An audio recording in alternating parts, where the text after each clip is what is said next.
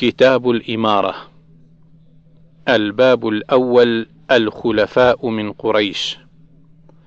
1194 عن عبد الله بن عمر رضي الله عنهما قال قال رسول الله صلى الله عليه وسلم لا يزال هذا الأمر في قريش ما بقي من الناس اثنان أخرجه البخاري 3501 1195 عن أبي هريرة رضي الله عنه قال قال رسول الله صلى الله عليه وسلم الناس تبع لقريش في هذا الشأن مسلمهم تبع لمسلمهم وكافرهم تبع لكافرهم. أخرجه البخاري 3495 و 3496 1196 عن عامر بن سعد بن أبي وقاص رضي الله عنه قال كتبت إلى جابر بن سمرة مع غلام نافع أن أخبرني بشيء سمعته من رسول الله صلى الله عليه وسلم. قال فكتب إلي سمعت رسول الله صلى الله عليه وسلم يوم جمعة عشية رجم الأسلمي فقال لا يزال الدين قائما حتى تقوم الساعة أو يكون عليكم اثنا عشر خليفة كلهم من قريش. وسمعته يقول عصيبة من المسلمين يفتتحون البيت الأبيض بيت كسرى أو آل كسرى. وسمعته يقول إن بين يدي الساعة كذابين فاحذروهم. وسمعته يقول إذا أعطى الله أحدكم خيرا فليبدأ بنفسه وأهل بيته. وسمعته يقول أنا الفرط على الحوض. الباب الثاني الاستخلاف وتركه. 1197 عن ابن عمر رضي الله عنهما قال دخلت على حفصة رضي الله عنها فقالت أعلمت أن أباك غير مستخلف؟ قال قلت ما كان ليفعل؟ قالت إنه فاعل. قال فحلفت أني أكلمه في ذلك. فسكت حتى غدوت ولم أكلمه. قال فكنت كأنما أحمل بيميني جبلا حتى رجعت فدخلت عليه فسألني عن حال الناس وأنا أخبره. قال ثم قلت له إني سمعت الناس يقولون مقالة فآليت أن أقولها لك. زعموا أنك غير مستخلف وإنه لو كان لي راعي إبل أو راعي غنم ثم جاءك وتركها رأيت أن قد ضيعا فرعاية الناس أشد. قال فوافقه قولي فوضع رأسه ساعة ثم رفعه إلي فقال إن الله عز وجل يحفظ دينه وإني لئن لا أستخلف فإن رسول الله صلى الله عليه وسلم لم يستخلف. وإن أستخلف فإن أبا بكر رضي الله عنه قد استخلف.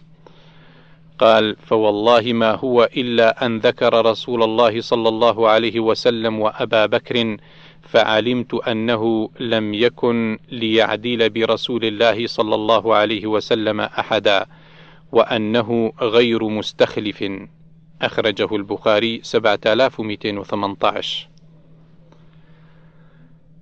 الباب الثالث الأمر بالوفاء ببيعة الخلفاء الأول فالأول. 1198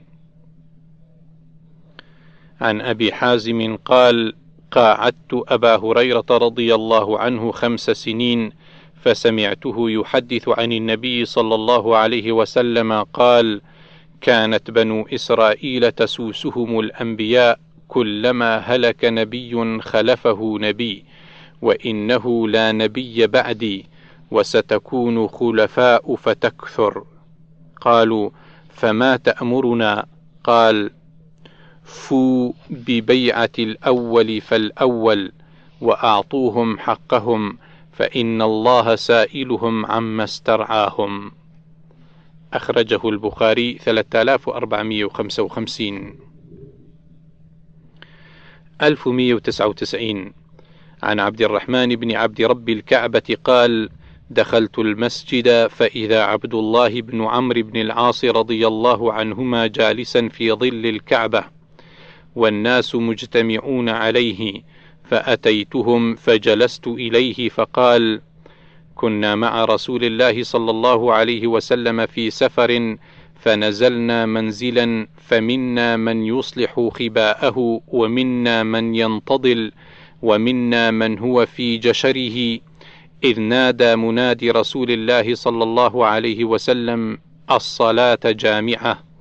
فاجتمعنا إلى رسول الله صلى الله عليه وسلم فقال إنه لم يكن نبي قبلي إلا كان حقا عليه أن يدل أمته على خير ما يعلمه لهم وينذرهم شر ما يعلمه لهم وإن أمتكم هذه جعل عافيتها في أولها وسيصيب آخرها بلاء وأمور تنكرونها وتجيء فتنة فيرقق بعضها بعضا وتجيء الفتنة فيقول المؤمن هذه مهلكتي ثم تنكشف وتجيء الفتنة فيقول المؤمن هذه هذه فمن أحب أن يزحزح عن النار ويدخل الجنة فلتأته منيته وهو يؤمن بالله واليوم الآخر وليأت إلى الناس الذي يحب أن يؤتى إليه. ومن بايع إماما فأعطاه صفقة يده وثمرة قلبه فليطعه إن استطاع فإن جاء آخر ينازعه فاضربوا عنق الآخر. فدنوت منه فقلت له أنشدك الله أنت سمعت هذا من رسول الله صلى الله عليه وسلم فأهوى إلى أذنيه وقلبه ويديه وقال: سمعته أذناي ووعاه قلبي. فقلت له هذا ابن عمك معاوية يأمرنا أن نأكل أموالنا بيننا بالباطل ونقتل أنفسنا والله عز وجل يقول يا أيها الذين آمنوا لا تأكلوا أموالكم بينكم بالباطل إلا أن تكون تجارة عن تراض منكم ولا تقتلوا أنفسكم إن الله كان بكم رحيما. سورة النساء الآية 29 قال فسكت ساعة ثم قال أطعه في طاعة الله واعصه في معصية الله عز وجل. الباب الرابع إذا بويع لخليفتين. 1200 عن أبي سعيد الخدري رضي الله عنه قال قال رسول الله صلى الله عليه وسلم إذا بويع لخليفتين فاقتلوا الآخر منهما.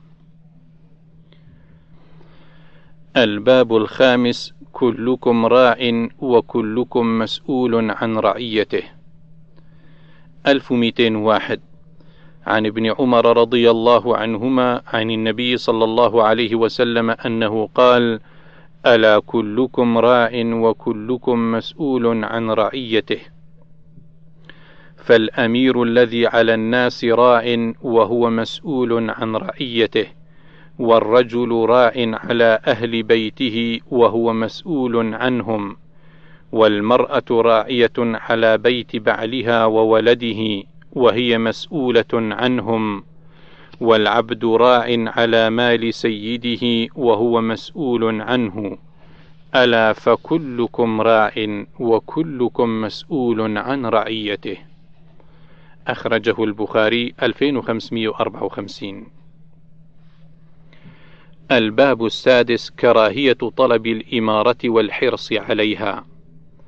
1202 عن عبد الرحمن بن سمر رضي الله عنه قال قال لي رسول الله صلى الله عليه وسلم يا عبد الرحمن لا تسأل الإمارة فإنك إن أعطيتها عن مسألة وكلت إليها وإن أعطيتها عن غير مسألة أعنت عليها. أخرجه البخاري 6622 1203 عن أبي ذر رضي الله عنه أن رسول الله صلى الله عليه وسلم قال: يا أبا ذر إني أراك ضعيفا وإني أحب لك ما أحب لنفسي. لا تأمرن على اثنين ولا تولين مال يتيم. 1204 عن أبي ذر رضي الله عنه قال قلت يا رسول الله ألا تستعملني قال فضرب بيده على منكبي ثم قال يا أبا ذر إنك ضعيف وإنها أمانة وإنها يوم القيامة خزي وندامة إلا من أخذها بحقها وأدى الذي عليه فيها. الباب السابع. لا نستعمل على عملنا من أراده. 1205 عن أبي بردة قال: قال أبو موسى رضي الله عنه: أقبلت إلى النبي صلى الله عليه وسلم ومعي رجلان من الأشعريين أحدهما عن يميني والآخر عن يساري فكلاهما سأل العمل والنبي صلى الله عليه وسلم يستاك. فقال ما تقول يا أبا موسى أو يا عبد الله بن قيس؟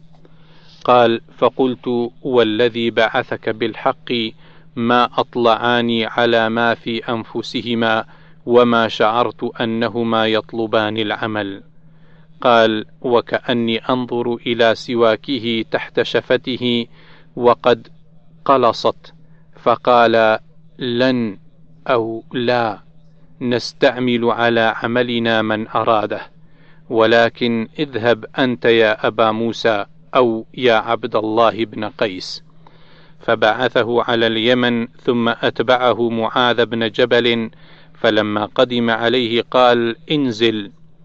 وألقى له وسادة وإذا رجل عنده موثق قال ما هذا؟ قال هذا كان يهوديا فأسلم. ثم راجع دينه دين السوء فتهود. قال لا أجلس حتى يقتل قضاء الله ورسوله. فقال اجلس نعم. قال لا أجلس حتى يقتل قضاء الله ورسوله ثلاث مرات. فأمر به فقتل. ثم تذاكرا القيام من الليل فقال أحدهما معاذ أما أنا فأنام وأقوم وأرجو في نومتي ما أرجو في قومتي. أخرجه البخاري 6923 الباب الثامن الإمام إذا أمر بتقوى الله وعدل كان له أجر. 1206 عن أبي هريرة رضي الله عنه عن النبي صلى الله عليه وسلم قال إنما الإمام جنة يقاتل من ورائه ويتقى به فإن أمر بتقوى الله عز وجل وعدل كان له بذلك أجر وإن يأمر بغيره كان عليه منه. الباب التاسع ما لمن ولي شيئا فعدل فيه. 1207 عن عبد الله بن عمر رضي الله عنهما قال: قال رسول الله صلى الله عليه وسلم: إن المقسطين عند الله على منابر من نور عن يمين الرحمن عز وجل وكلتا يديه يمين الذين يعدلون في حكمهم وأهليهم وما ولوا الباب العاشر من ولي شيئا فشق أو رفق 1208 عن عبد الرحمن بن شماسة قال: أتيت عائشة رضي الله عنها أسألها عن شيء فقالت: ممن أنت؟ فقلت: رجل من أهل مصر. فقالت كيف كان صاحبكم لكم في غزاتكم هذه فقال ما نقمنا منه شيئا إن كان ليموت للرجل منا البعير فيعطيه البعير والعبد فيعطيه العبد ويحتاج إلى النفقة فيعطيه النفقة. فقالت أما إنه لا يمنعني الذي فعل في محمد بن أبي بكر أخي أن أخبرك ما سمعت من رسول الله صلى الله عليه وسلم يقول في بيتي هذا: اللهم من ولي من أمر أمتي شيئا فشق عليهم فاشقق عليه، ومن ولي من أمر أمتي شيئا فرفق بهم فارفق به. الباب الحادي عشر الدين النصيحة 1209 عن تميم الداري رضي الله عنه أن النبي صلى الله عليه وسلم قال: الدين النصيحة. قلنا: لمن؟ قال: لله ولكتابه ولرسوله ولأئمة المسلمين وعامتهم.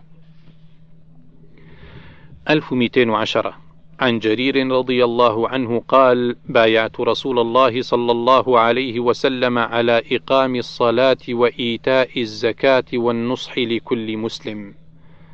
أخرجه البخاري 57 الباب الثاني عشر من غش رعيته ولم ينصح لهم.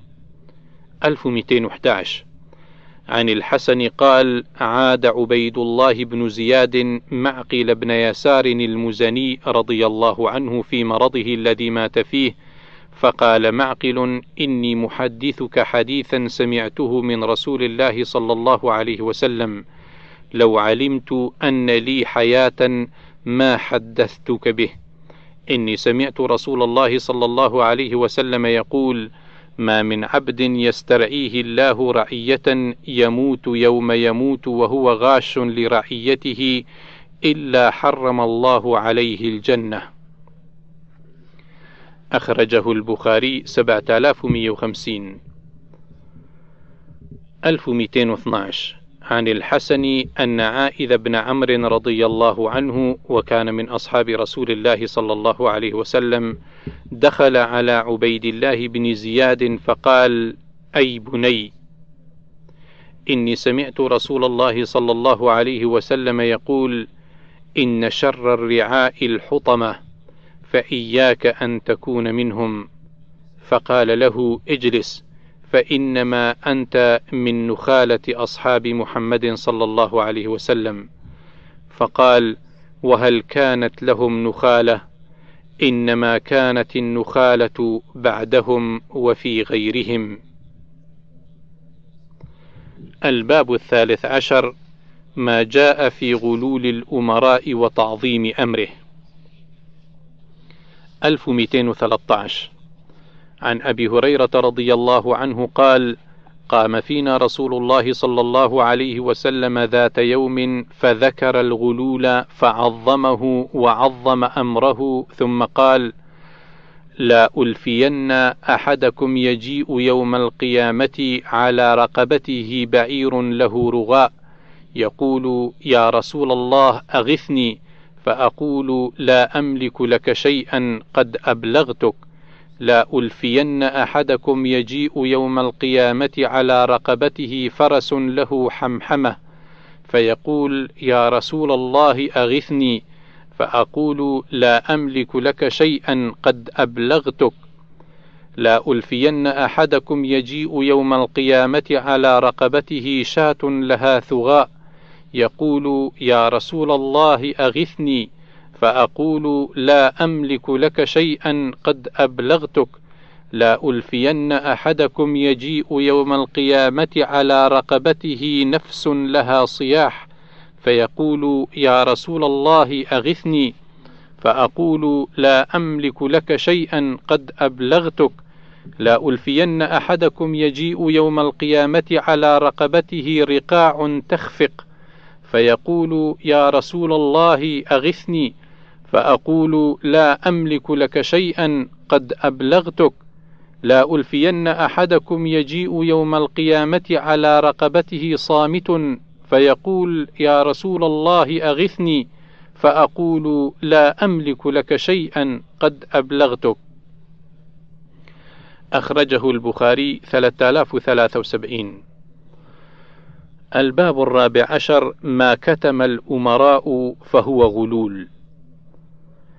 1214 عن عدي بن عميرة الكندي رضي الله عنه قال: سمعت رسول الله صلى الله عليه وسلم يقول: من استعملناه منكم على عمل فكتمنا مخيطا فما فوق كان غلولا يأتي به يوم القيامة. قال: فقام إليه رجل أسود من الأنصار كأني أنظر إليه فقال: يا رسول الله اقبل عني عملك. قال وما لك؟ قال سمعتك تقول كذا وكذا. قال وأنا أقوله الآن من استعملناه منكم على عمل فليجئ بقليله وكثيره فما أوتي منه أخذ وما نهي عنه انتهى. الباب الخامس عشر في هدايا الأمراء. 1215 عن أبي حميد الساعدي رضي الله عنه قال استعمل رسول الله صلى الله عليه وسلم رجلا من الأسد على صدقات بني سليم يدعى ابن اللتبية. فلما جاء حاسبه قال هذا مالكم وهذا هدية. فقال رسول الله صلى الله عليه وسلم فهلا جلست في بيت أبيك وأمك حتى تأتيك هديتك إن كنت صادقا. ثم خطبنا فحمد الله عز وجل وأثنى عليه ثم قال أما بعد فإني أستعمل الرجل منكم على العمل مما ولاني الله فيأتي فيقول هذا مالكم وهذه هدية أهديت لي أفلا جلس في بيت أبيه وأمه حتى تأتيه هديته إن كان صادقا؟ والله لا يأخذ أحد منكم منها شيئا بغير حقه إلا لقي الله تعالى يحمله يوم القيامة. فلاعرفن احدا منكم لقي الله عز وجل يحمل بعيرا له رغاء أو بقرة لها خوار أو شاة تيعر. ثم رفع يديه حتى رؤي بياض إبطيه يقول اللهم هل بلغت؟ بصر عيني وسمع أذني. أخرجه البخاري 7979 الباب السادس عشر مبايعة النبي صلى الله عليه وسلم تحت الشجرة على ترك الفرار. 1216 عن جابر بن عبد الله رضي الله عنهما قال كنا يوم الحديبية ألفا وأربعمائة. فبايعناه وعمر رضي الله عنه آخذ بيده تحت الشجرة وهي سمرة. قال وبايعناه على أن لا نفر ولم نبايعه على الموت أخرجه البخاري 4152 و 4153 و 4154 1217 عن سالم بن أبي الجعد قال سألت جابر بن عبد الله رضي الله عنهما عن أصحاب الشجرة فقال لو كنا مئة ألف لكفانا كنا ألفا وخمسمائة. أخرجه البخاري أربعة آلاف ومئة واثنين وخمسين. ألف ومئتين وثمنتاش عن عبد الله بن أبي أوفى رضي الله عنهما قال كان أصحاب الشجرة ألفا وثلاثمائة وكانت أسلم ثمن المهاجرين. أخرجه البخاري 4155 باب الباب السابع عشر المبايعة على الموت. 1219 عن يزيد بن أبي عبيد قال قلت لسلمة على أي شيء بايعتم رسول الله صلى الله عليه وسلم يوم الحديبية؟ قال على الموت. أخرجه البخاري 4169 الباب الثامن عشر المبايعة على السمع والطاعة فيما استطاع. 1220 عن ابن عمر رضي الله عنهما قال كنا نبايع رسول الله صلى الله عليه وسلم على السمع والطاعة يقول لنا فيما استطعت أخرجه البخاري 7202 الباب التاسع عشر البيعة على السمع والطاعة إلا أن يروا كفرا بواحا 1221 عن جنادة بن أبي أمية قال: دخلنا على عبادة بن الصامت رضي الله عنه وهو مريض فقلنا: حدثنا أصلحك الله بحديث ينفع الله به. سمعته من رسول الله صلى الله عليه وسلم. فقال: دعانا رسول الله صلى الله عليه وسلم فبايعناه فكان فيما أخذ علينا أن بايعنا على السمع والطاعة في منشطنا ومكرهنا وعسرنا ويسرنا وأثرة علينا وأن لا ننازع الأمر أهله. قال إلا أن تروا كفرا بواحا عندكم من الله فيه برهان.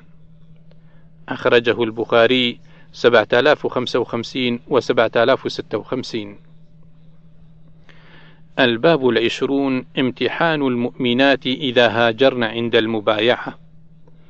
1222 عن عائشة رضي الله عنها زوج النبي صلى الله عليه وسلم قالت: كانت المؤمنات إذا هاجرن إلى رسول الله صلى الله عليه وسلم يمتحن بقول الله عز وجل: يا أيها النبي إذا جاءك المؤمنات يبايعنك على ألا يشركن بالله شيئا ولا يسرقن ولا يزنين إلى آخر الآية. قالت عائشة: فمن أقر بهذا من المؤمنات فقد أقر بالمحنة. وكان رسول الله صلى الله عليه وسلم إذا أقررن بذلك من قولهن قال لهن رسول الله صلى الله عليه وسلم: انطلقن فقد بايعتكن ولا والله ما مست يد رسول الله صلى الله عليه وسلم يد امرأة قط غير أنه يبايعهن بالكلام.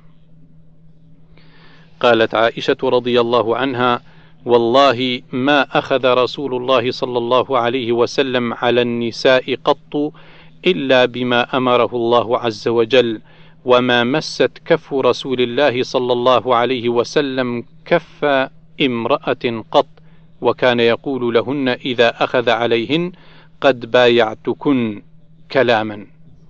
أخرجه البخاري 5288 الباب الحادي والعشرون طاعة الإمام. 1223 عن أبي هريرة رضي الله عنه عن النبي صلى الله عليه وسلم قال: من أطاعني فقد أطاع الله، ومن يعصني فقد عصى الله، ومن يطع الأمير فقد أطاعني، ومن يعص الأمير فقد عصاني. أخرجه البخاري 2957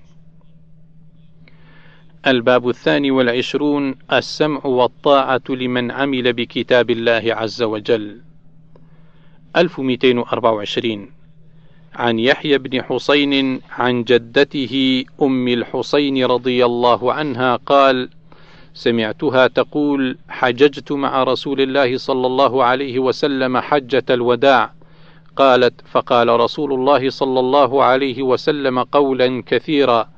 ثم سمعته يقول إن أمر عليكم عبد مجدع. حسبتها قالت أسود يقودكم بكتاب الله تعالى فاسمعوا له وأطيعوا. الباب الثالث والعشرون لا طاعة في معصية الله إنما الطاعة في المعروف. 1225 عن علي رضي الله عنه أن رسول الله صلى الله عليه وسلم بعث جيشا وأمر عليهم رجلا فأوقد نارا وقال ادخلوها. فأراد ناس أن يدخلوها وقال الآخرون إنما فررنا منها. فذكر ذلك لرسول الله صلى الله عليه وسلم فقال للذين أرادوا أن يدخلوها لو دخلتموها لم تزالوا فيها إلى يوم القيامة. وقال للآخرين قولا حسنا وقال لا طاعة في معصية الله إنما الطاعة في المعروف. أخرجه البخاري 7257 الباب الرابع والعشرون إذا أمر بمعصية فلا سمع ولا طاعة. 1226 عن ابن عمر رضي الله عنهما عن النبي صلى الله عليه وسلم أنه قال على المرء المسلم السمع والطاعة فيما أحب وكره إلا أن يؤمر بمعصية فإن أمر بمعصية فلا سمع ولا طاعة. أخرجه البخاري 7144 الباب الخامس والعشرون طاعة الأمراء وإن منعوا الحقوق. 1227 عن وائل الحضرمي قال سأل سلمة بن زيد الجعفي رضي الله عنه رسول الله صلى الله عليه وسلم فقال يا نبي الله أرأيت إن قامت علينا أمراء يسألون حقهم ويمنعون حقنا فما تأمرنا فأعرض عنه ثم سأله فأعرض عنه ثم سأله في الثانية أو في الثالثة فجذبه الأشعث بن قيس وقال: اسمعوا وأطيعوا فإنما عليهم ما حملوا وعليكم ما حملتم. وفي رواية قال: فجذبه الأشعث بن قيس فقال رسول الله صلى الله عليه وسلم: اسمعوا وأطيعوا فإنما عليهم ما حملوا وعليكم ما حملتم. الباب السادس والعشرون في خيار الآئمة وشرارهم 1228 عن عوف بن مالك رضي الله عنه عن رسول الله صلى الله عليه وسلم قال خيار أئمتكم الذين تحبونهم ويحبونكم ويصلون عليكم وتصلون عليهم وشرار أئمتكم الذين تبغضونهم ويبغضونكم وتلعنونهم ويلعنونكم. قيل يا رسول الله أفلا, أفلا ننابذهم بالسيوف فقال لا ما اقاموا فيكم الصلاة وإذا رأيتم من ولاتكم شيئا تكرهونه فاكرهوا عمله ولا تنزعوا يدا من طاعة. الباب السابع والعشرون في الإنكار على الأمراء وترك قتالهم ما صلوا. 1229 عن أم سلمة رضي الله عنها زوج النبي صلى الله عليه وسلم عن النبي صلى الله عليه وسلم أنه قال: إنه يستعمل عليكم أمراء فتعرفون وتنكرون، فمن كره فقد برئ، ومن أنكر فقد سلم، ولكن من رضي وتابع. قالوا يا رسول الله ألا نقاتلهم؟ قال لا ما صلوا. أي من كره بقلبه وأنكر بقلبه. الباب الثامن والعشرون الأمر بالصبر عند الأثرة. 1230 عن أسيد بن حضير رضي الله عنه أن رجلا من الأنصار خلا برسول الله صلى الله عليه وسلم فقال: ألا تستعملني كما استعملت فلانا؟ فقال: إنكم ستلقون بعدي أثرة فاصبروا حتى تلقوني على الحوض. أخرجه البخاري 3792 الباب التاسع والعشرون. الأمر بلزوم الجماعة عند ظهور الفتن. 1231 عن حذيفة بن اليمان رضي الله عنه قال: كان الناس يسألون رسول الله صلى الله عليه وسلم عن الخير، وكنت أسأله عن الشر مخافة أن يدركني، فقلت: يا رسول الله، إنا كنا في جاهلية وشر، فجاءنا الله بهذا الخير فهل بعد هذا الخير شر؟ قال نعم. فقلت له هل بعد ذلك الشر من خير؟ قال نعم وفيه دخن. قلت وما دخنه؟ قال قوم يستنون بغير سنتي ويهدون بغير هدي تعرف منهم وتنكر. فقلت هل بعد ذلك الخير من شر؟ قال نعم دعاة على أبواب جهنم من أجابهم إليها قذفوه فيها. فقلت يا رسول الله صفهم لنا. قال نعم قوم من جلدتنا ويتكلمون بألسنتنا. قلت يا رسول الله ما ترى إن أدركني ذلك؟ قال تلزم جماعة المسلمين وإمامهم. فقلت فإن لم يكن لهم جماعة ولا إمام. قال فاعتزل تلك الفرق كلها. ولو أن تعض على أصل شجرة حتى يدركك الموت وأنت على ذلك. أخرجه البخاري 3606 الباب الثلاثون في من خرج من الطاعة وفارق الجماعة.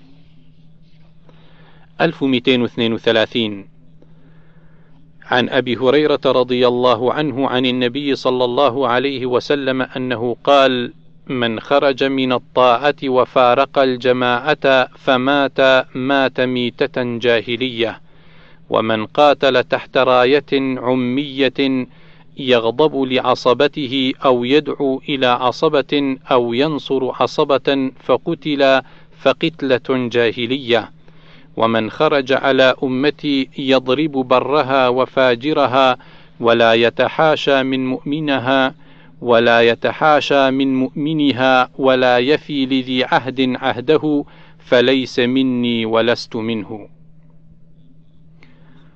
1233 عن نافع قال جاء عبد الله بن عمر رضي الله عنهما إلى عبد الله بن مطيع حين كان من أمر الحرة ما كان زمن يزيد بن معاوية فقال اطرحوا لأبي عبد الرحمن وسادة. فقال إني لم آتك لأجلس. أتيتك لأحدثك حديثا سمعت رسول الله صلى الله عليه وسلم يقوله. سمعت رسول الله صلى الله عليه وسلم يقول من خلع يدا من طاعة لقي الله عز وجل يوم القيامة لا حجة له. ومن مات وليس في عنقه بيعة مات ميتة جاهلية. الباب الحادي والثلاثون في من فرق أمر الأمة وهي جميع 1234 عن عرفجة رضي الله عنه قال: سمعت رسول الله صلى الله عليه وسلم يقول: إنه ستكون هنات وهنات، فمن أراد أن يفرق أمر هذه الأمة وهي جميع، فاضربوه بالسيف كائنا من كان. الباب الثاني والثلاثون من حمل علينا السلاح فليس منا. 1235 عن أبي هريرة رضي الله عنه أن رسول الله صلى الله عليه وسلم قال من حمل علينا السلاح فليس منا ومن غشنا فليس منا. الباب الثالث والثلاثون الأمر بالاعتصام بحبل الله وترك التفرق. 1236 عن أبي هريرة رضي الله عنه قال قال رسول الله صلى الله عليه وسلم إن الله يرضى لكم ثلاثا ويكره لكم ثلاثا فيرضى لكم أن تعبدوه ولا تشركوا به شيئا. وأن تعتصموا بحبل الله جميعا ولا تفرقوا. ويكره لكم قيل وقال وكثرة السؤال وإضاعة المال. الباب الرابع والثلاثون رد المحدثات من الأمور. 1237 عن سعد بن إبراهيم قال سألت القاسم بن محمد عن رجل له ثلاث مساكن فأوصى بثلث كل مسكن منها قال يجمع ذلك كله في مسكن واحد ثم قال أخبرتني عائشة رضي الله عنها أن رسول الله صلى الله عليه وسلم قال: من عمل عملا ليس عليه أمرنا فهو رد. أخرجه البخاري 2697. الباب الخامس والثلاثون في الذي يأمر بالمعروف ولا يفعله. 1238 عن أسامة بن زيد رضي الله عنهما قال: قيل له: ألا تدخل على عثمان فتكلمه؟ فقال أترون أني لا أكلمه إلا أسمعكم والله لقد كلمته فيما بيني وبينه ما دون أن أفتتح أمرا لا أحب أن أكون أول من فتحه. ولا أقول لأحد يكون علي أميرا إنه خير الناس.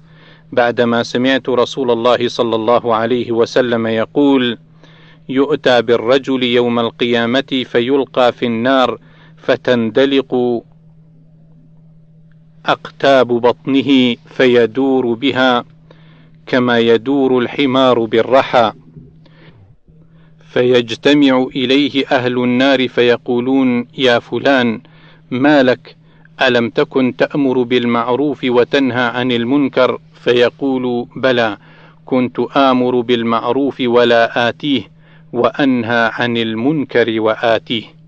أخرجه البخاري 3267